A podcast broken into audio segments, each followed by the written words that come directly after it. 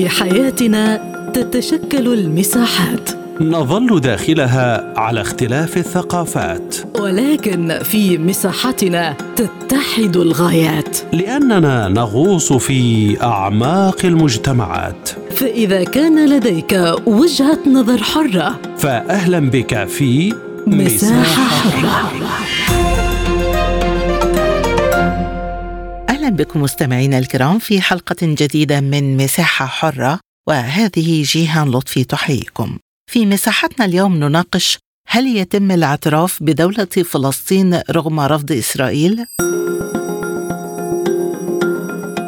أعلن مجلس الوزراء الإسرائيلي التوقيع على وثيقة ترفض الاعتراف أحادي جانب بدولة فلسطينية وقال إن من شأن مثل هذا الاعتراف بعد أحداث السابع من أكتوبر أن يمنح الإرهاب جائزة لم يسبق لها مثيل وهو ما سيحول دون التوصل إلى أي تسوية سلمية مستقبلية على حد قول بيان الحكومة الإسرائيلية.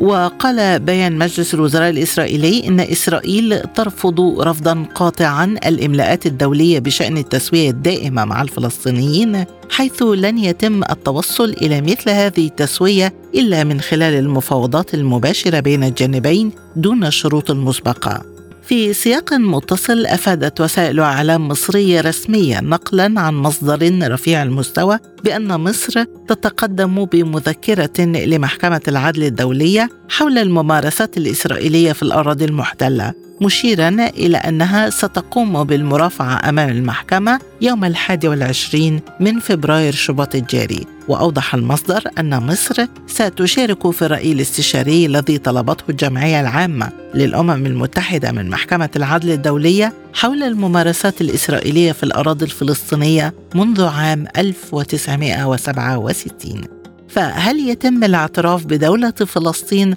رغم رفض إسرائيل حول هذا الموضوع تدور نقاشاتنا في حلقة اليوم من مساحة حرة. البداية من القدس ومعنا عبر الهاتف أستاذ العلوم السياسية والقانون العام بجامعة القدس الدكتور أمجد شهاب. مرحبا بك معنا ضيفا عزيزا دكتور أمجد وسؤال حلقة اليوم هل يتم الاعتراف بدولة فلسطين رغم رفض إسرائيل؟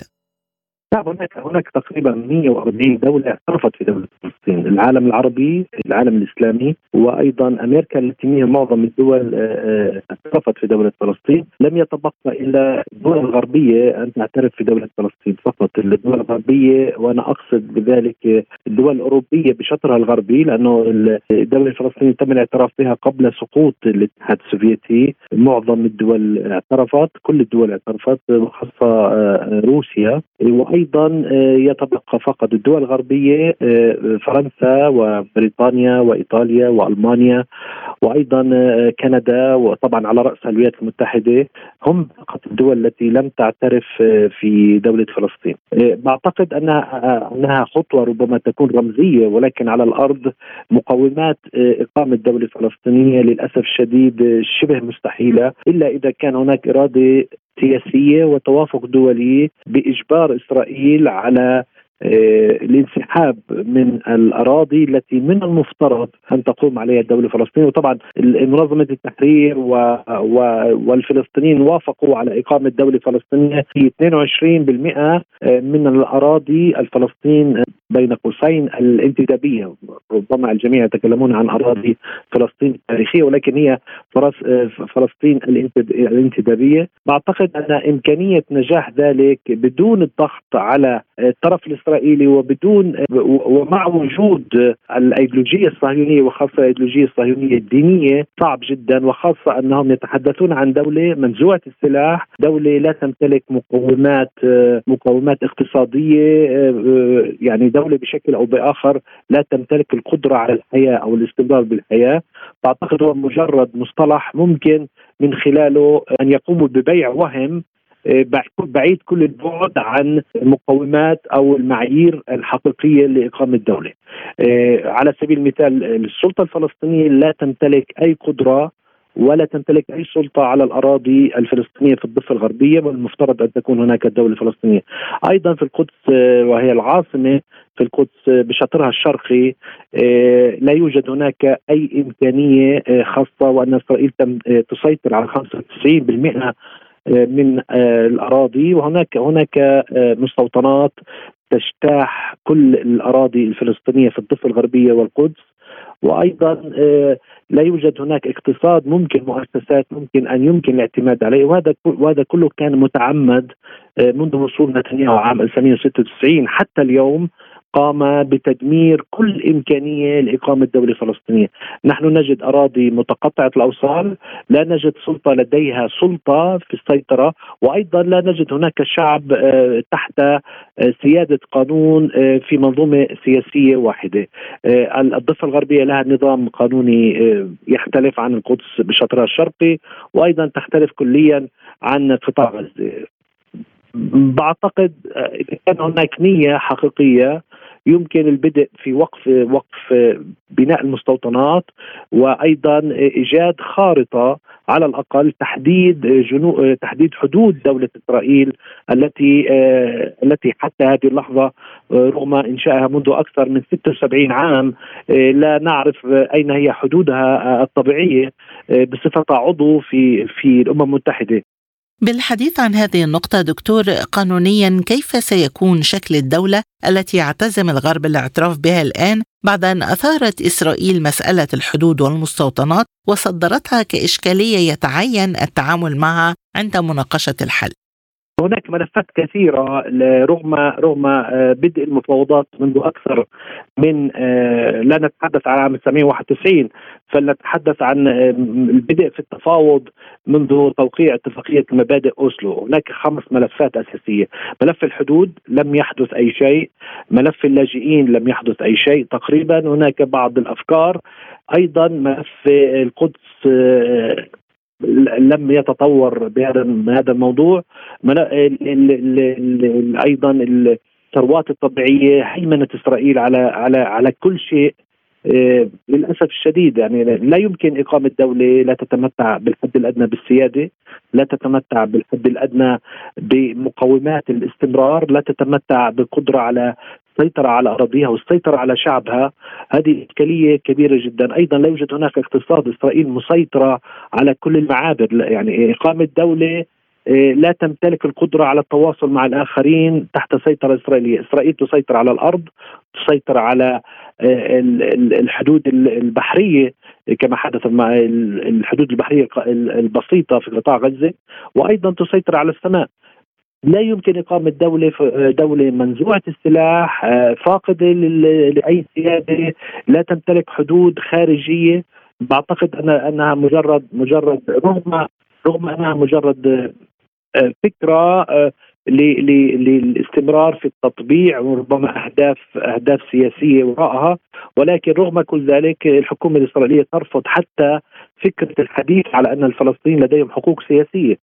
هم يتحدثون ينفوا آه، نفيا قاطعا بأن للفلسطينيين لهم حقوق في فلسطين. وهذه نقطة أساسية للأسف لم يستطع الفلسطينيين على مدار آه، مئة عام من من انتزاعها من الطرف الإسرائيلي. إسرائيل لا تعترف رسميا بحق الشعب الفلسطيني بتقرير مصيره. وهذه نقطة أساسية. يعني النقطة الأساسية قبل البدء على المجتمع الدولي وخاصة الدول الغربية وعلى رأس الولايات المتحدة الاعتراف في الدولة الفلسطينية لأن لا يوجد هناك مانع للاعتراف وأيضا تحديد أين هي حدود الدولة الفلسطينية وكيف ممكن أن تقام. أي أي الاعتراف بحق الشعب الفلسطيني بإقامة الدولة وتحقيق مصيره يجب أن يكون بالأفعال وبالإجراءات وليس فقط بالتصريحات كما فعل رؤساء آه، آه، آه، كثيرين في الولايات المتحدة. جورج بوش الأب عام 1991 آه، وعد بإقامة دولة فلسطينية.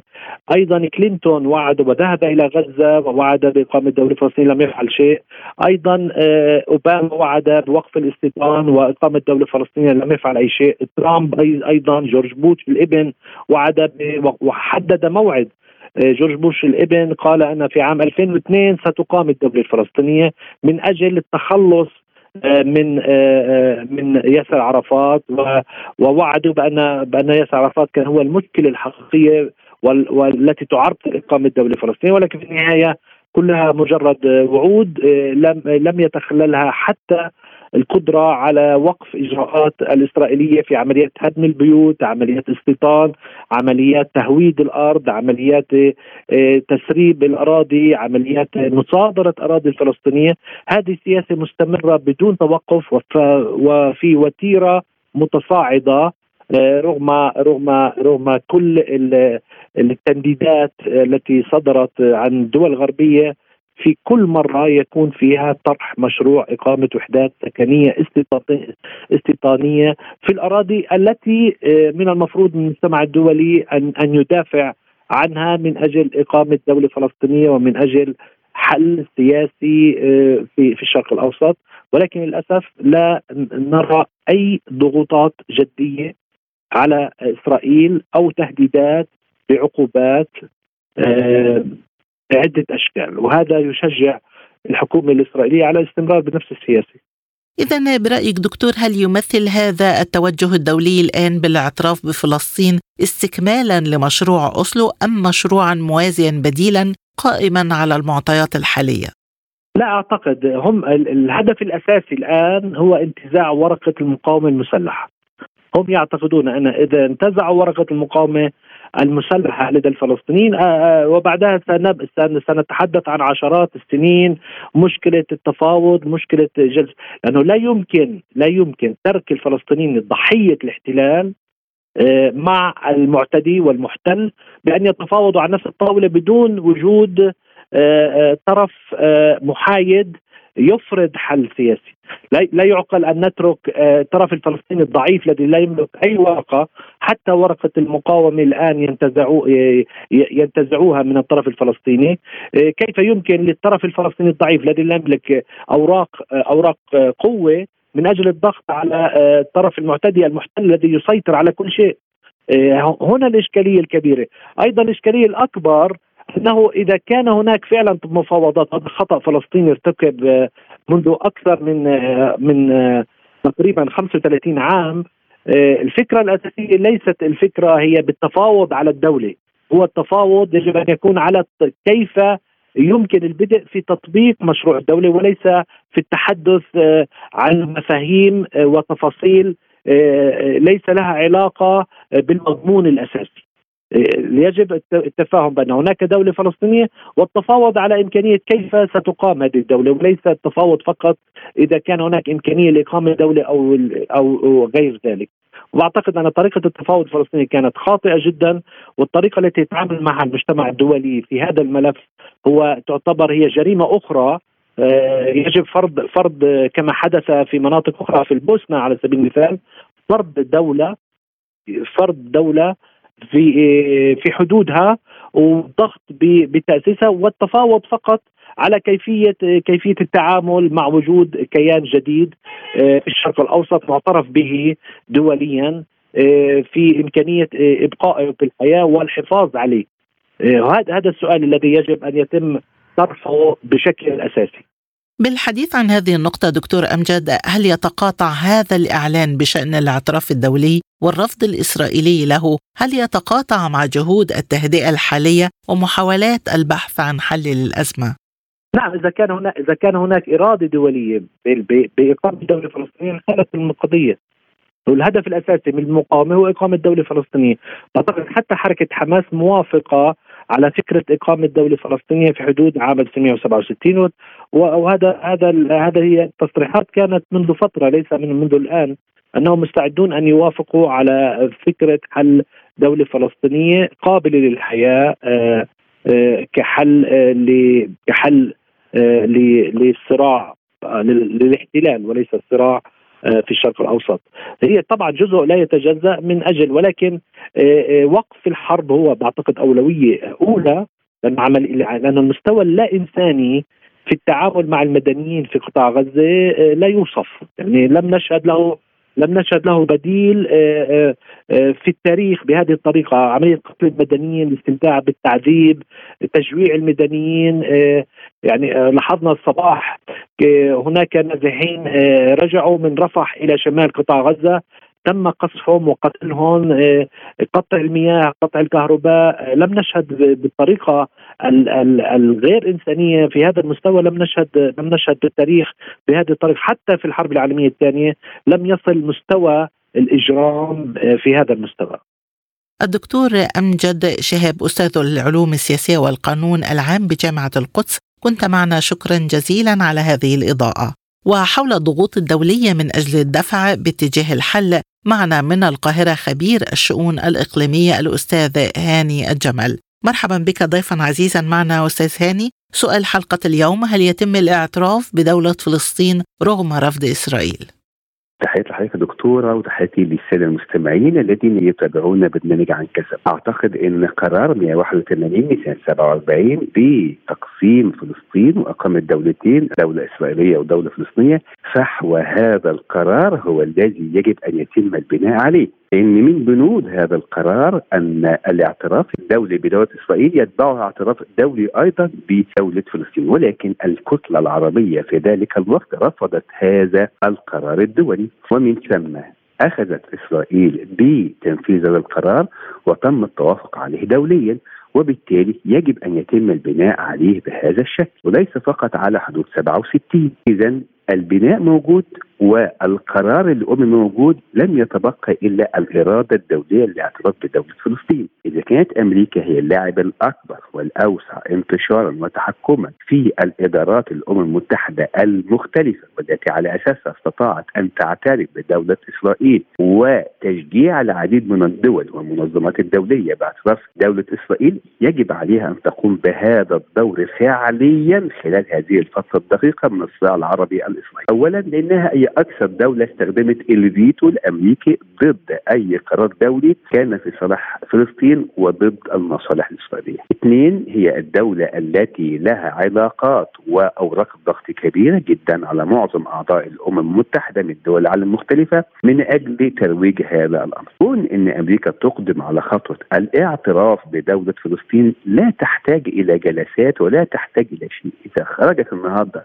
الاداره الامريكيه سواء كان الرئيس بايدن أو وزير خارجيته بلينكن وقام بالاعتراف العلني عن دولة فلسطين طبقا بقى لتقسيم 48 اللي هو القانون 181 أو طبقا لحدود 67 والتي للأسف استطاعت إسرائيل في حدودها أن تتوسع على حساب الحقوق التاريخية لدولة فلسطين أو حتى طبقا لاتفاقية أوسلو 91 وهي هذه التفاهمات الثلاثة اللي وضعت دولة فلسطينية، لذلك تفاهمات أوسلو تأكد على أن هناك سلطة فلسطينية في الضفة وغزة، معنى ذلك إن الكيان الجغرافي المبدئي موجود، اذا لا يتبقى في هذا الأمر إلا الاراده الدولية وخاصة أمريكا. أما رفض إسرائيل فهي دولة من الدول وأساس إقامة دولة إسرائيل هو اعترافها ضمنيا وعلنيا بإقامة دولة فلسطينية، فلماذا نعيد اختراع العجلة من الأول؟ إذا كان البنود التي تم توثيقها في الأمم المتحدة ولم الاعتراف عليها من غير المجموعة العربية هي تقوم على هذا المبدأ، لماذا لا نعيد صياغة هذا الأمر وإخراجه إلى النور والعمل والبناء عليه؟ إذا أستاذ هاني ما أهمية إعلان الحكومة الإسرائيلية توقيع وثيقة ترفض الاعتراف أحادي الجانب بدولة فلسطين وهل يمكن أن يعطل هذا الرفض مشروع الدولة الفلسطينية؟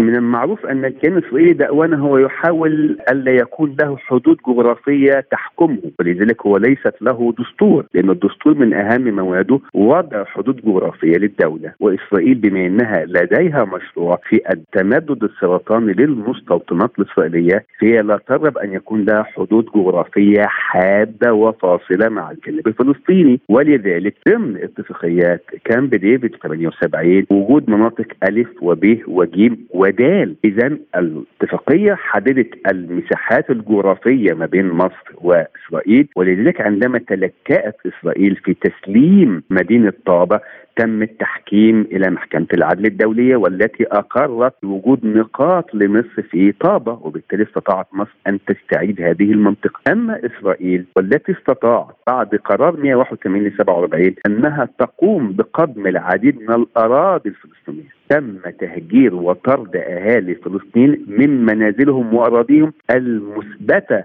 قانونيا والمثبتة تاريخيا وبالتالي هي تحاول أن تحقق السلطنه المستوطنية لها. كون إن هي تحاول أن تعرقل هذا الشيء ده بيكون مهم جدا إنها تنفذ المخطط التالي وهو زيادة عدد المستوطنات. وهو للأسف ما شاهدناه الأيام الماضية. إذا كان العالم كله كان بينشغل عن الأوضاع الإنسانية المترديه للفلسطينيين سواء كان في قطاع غزة أو في الوقت الراهن في رفح استطاعت إسرائيل في هذا الوقت الدقيق أن تغفل العالم كله وتزيد من وجود مناطق أمنية لها في غلاف غزة ومن ثم الإعلان بشكل مباشر عن مستوطنات فلسطينية جديدة تطل على البحر. هذه الإعلانات التي تم إدراجها في وسائل الاعلام الاسرائيليه تؤكد أن الكيان الصهيوني يمضي قدما في تنفيذ هذا المخطط ومن ثم يحاول أن يصعب الأمور كما هو دائما يعني يجعل الأمور في حافة الهاويه ومن ثم لا ترضى المجموعة العربية أو فلسطين إلا بأقل القليل، إنما لو رجعنا لتنفيذ القانون الدولي والرغبات الدولية التي سميناها اولا بأمريكا ومن بعدها الدول الكبرى الراعية لعملية السلام، إذا تم هذه الإرادة السياسية لهذا التنفيذ أعتقد إن من الممكن في الوقت الراهن أن يكون تفعيل لقرار 180 أو لقرارات 67 اللي هي 4 يونيو وبالتالي إقامة دولة فلسطينية ملاصقة على الحدود الجغرافية التاريخية لها بجانب دولة إسرائيل. رفض إسرائيل لهذه الدولة لا يعرقل ولكن للأسف العديد من دول العالم تغض الطرف عن هذا الدعم الكبير أين الكتل الكبرى التي تجبر إسرائيل على هذا القرار؟ لأن الدول الكبرى عمر خمس أشهر حتى الآن لم تستطع أن توقف آلة الحرب الشعواء الإسرائيلية ضد فلسطين فهل لها أن تعترف بدولة فلسطين؟ العالم كله ينتظر عن كثب للإدارة الأمريكية. ماذا سوف تفعل؟ إذا كانت إدارة بايدن تتشدق برغبتها في أن يكون هناك حل الدولتين وأقامة دولة فلسطينية وأن يكون هناك حكومة تكنوقراط جديدة إلا أنها حتى الآن تورد الأسلحة الفتاكه التي تستخدمها إسرائيل في استهداف الفلسطينيين. اذا هي تكيل بمكيالين مختلفين في نفس ذات القضية الإنسانية. هذه التصريحات التي تخرج من الأمريكية هي تصريحات للاستهلاك المحلي وليس للأسف لها طريق للتنفيذ على أرض الواقع لأن العلاقة البينية ما بين رؤية نتنياهو وبين رؤية بايدن للازمه تبينت بشكل كبير بالفترة الماضية، معنى ذلك أن هناك عدم سيطرة على إسرائيل وهذا ما ظهر جليا في تصريحات الإدارة الأمريكية عندما قالت أن أصبح نتنياهو ليس هو الحليف الذي تستطيع أن تستأمنه في المنطقة، إذا كان هذا هو رد نتنياهو فماذا هو رد أمريكا حتى الآن؟ هل هناك في عقوبات؟ للأسف لم يكن، هل هناك في موقف حقيقي لها في مجلس الأمن لاستخراج اعتراف دولي بدوله فلسطين؟ للأسف هذا لم يحدث، هل هناك حتى اعتراف منفرد قامت به أمريكا للأسف لم يحدث، الذي تحدث في هذا الأمر بشكل مباشر هو رئيس وزراء أسبانيا عندما أتى إلى رفح وقال إن لم يكن هناك اعتراف من الاتحاد الأوروبي بشكل كامل باقامه دولة فلسطينية سوف أبدأ سلسلة الاعتراف المنفرد بهذه الدولة، اذا العالم كله ينتظر من يدشن هذه الخطوة، من أول يعترف بدولة فلسطين ولكن ما هي الدولة الفلسطينية وجغرافيتها؟ ده واحد، اثنين ما هي الدولة الفلسطينيه وتشكيلها، هل هي دولة منزوعة السلاح؟ هل هي دولة كونفدرالية؟ هل هي دولة عامة؟ هل هي دولة سلطة منقوصة؟ دي كلها حاجات لم يتوافق عليها، وللأسف حتى الآن الدولة الفلسطينية نفسها لم تضع شكل يتوافق عليه، حتى الآن تسعى السلطة الفلسطينية تحويل فلسطين من دولة مراقبة في الأمم المتحدة إلى دولة كاملة العضوية فقط، ولكنها حتى الآن لم تخرج عنها بمشروع يبين لنا ماهية هذه الدولة ومؤسساتها المختلفة، وعلى أي أساس تقوم هذه الدولة، هل على قرار 81 اذا أنت كده هتبقى في معترك كبير جدا لازدياد العديد من المستوطنات، وبالتالي هذا يكون صعب المراس لأن هناك أصبحت في الواقع المعيشي والوقت الراهن زي ما بقول كده وضع يد للاراضي الفلسطينية تحت المستوطنات الإسرائيلية. اثنين لو رجعنا عند 67 للأسف حتى حدود 67 تم قضم العديد منها، الدولة الفلسطينية في الوقت الراهن هي على أقل من 34% من حقوقها التاريخية، يعني إذا في أكثر من 15% بجانب ما تم قدمه قبل ذلك زيادة بسبب هذه المستوطنات، يجب أن نخرج هناك رؤية متكاملة للدولة الفلسطينية وحدودها الجغرافية شمالا وجنوبا وشرقا وغربا حتى تستطيع الدول الاعتراف بها منفردا حتى بعيدا عن الإدارة الأمريكية. بالحديث عن المستوطنات الشكوى المصرية لمحكمة العدل من ممارسات إسرائيل منذ 1967 برأيك هل ترتب هذه الشكوى استحقاقات قانونية في الأراضي التي استقطعتها إسرائيل منذ ذلك التاريخ؟ للأسف الشوكه المصرية هي رأي استشاري ويمكن نحط تحت رأي استشاري ديت مليون ألف خط أحمر. ما تقوم به الأمم المتحدة في الوقت الراهن ومحكمة العدل الدولية بأخذ رأي ضمن 52 دولة. قدموا اعترافات أو قدموا دلائل على أن يكونوا شهود أو لهم رأي استشاري هي في الأول وفي الآخر لها رأي استشاري. طيب للأسف في سابقة تاريخية قبل ذلك تؤكد أن الراي الاستشاري المحكمه العدل الدولية لا ينفذ هو الجدار العازل الذي قسم الأراضي الفلسطينية وهو موجود حتى الآن منذ التسعينيات لم يتحرك المجتمع الدولي لإزالة هذا الجدار على الرغم من وجود أكثر من قرار محكمة العدل الدولية. بازالته، لماذا؟ لأن هذا الرأي راي استشاري. إذا الموقف المصري في هذا الوقت هو موقف إيجابي أنها توضح خلال 75 عام من احتلال إسرائيل لفلسطين الخروقات التي استخدمتها إسرائيل سواء كان بالتوسع المستوطنات أو بقدم الأراضي أو بتهجير الفلسطينيين قسريا وطوعيا واستخدام آه، سياسة الأبواب المفتوحة من أجل إزاحة الفلسطينيين وبالعكس مش بس كده ده عرقلة حق تقرير المصير الذي أكدت عليه اتفاقية أوسلو حتى يهنأ لها الجو بأن تتمدد بأراضيها. هذه المذكرة التي تقدمها مصر يوم 21 فبراير الجاري وأن يكون هناك لجان استماع للوثائق التي تعدها مصر ومصر لها خبرة كبيرة في هذا المجال ليس فقط من رجالها القانونيين ولكن من خبراتها في انتصارها على إسرائيل في محكمة التحكيم قبل كده. يؤكد أن الموقف المصري سوف يكون راصد لهذه الخروقات الإسرائيلية تجاه الفلسطينيين والقضية العربية على آه، آه، مجمل الوضع. ولكن هل هذا الرأي الاستشاري اللي تقدمه مصر هيكون ملزم لإسرائيل ولاعضاء مجلس الأمن لتنفيذه على أرض الواقع. أعتقد هنا هذه هي الإشكالية التي نواجهها.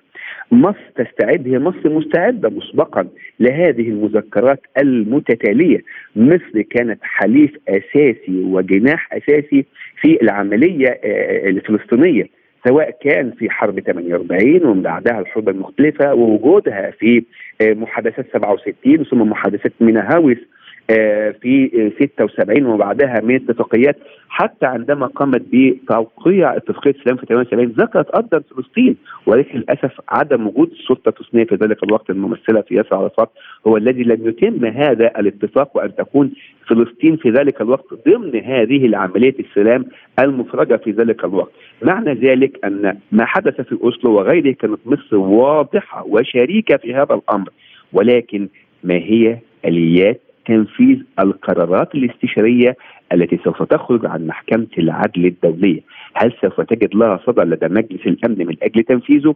أم أنها سوف تحال إلى المحكمه الجنائيه الدوليه عشان يتم تنفيذها أو عدم تنفيذها؟ يضع آه، قادة إسرائيل تحت طائله القانون وتحت القوائم الحمراء الخارجية للتوقيف الدولي. هذا ما سنشهده بعد انتهاء هذه المرافعات المطلوبة مصر وغيرها من دول العالم التي شاهدت المجازر الإسرائيلية المتتالية ليس فقط ضد فلسطين ولكن أيضا ضد لبنان. أخيرا أستاذ هاني الجزائر أيضا دعت الاتحاد الإفريقي لدعم ترشيح فلسطين العضوية كاملة في الأمم المتحدة. هل يوافق الاتحاد الإفريقي؟ وما أهمية هذا الدعم؟ أعتقد الدعم الإفريقي دعم مطلق للقضيه الفلسطينيه ويكون إن فلسطين أساسا عضو مراقب للاتحاد الإفريقي ياكد مدى التصاق الاتحاد الإفريقي بدوله آه، مع القضية الفلسطينية.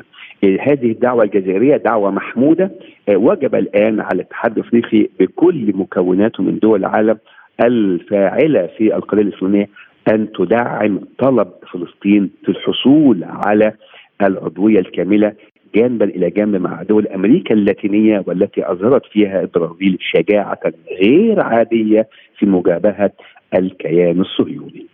الأستاذ هاني جمل خبير الشؤون الإقليمية كنت معنا. شكرا جزيلا لهذه الإفادة وبهذا نأتي إلى ختام حلقة اليوم. للمزيد زوروا موقعنا على الإنترنت سبوتنيك dot ae.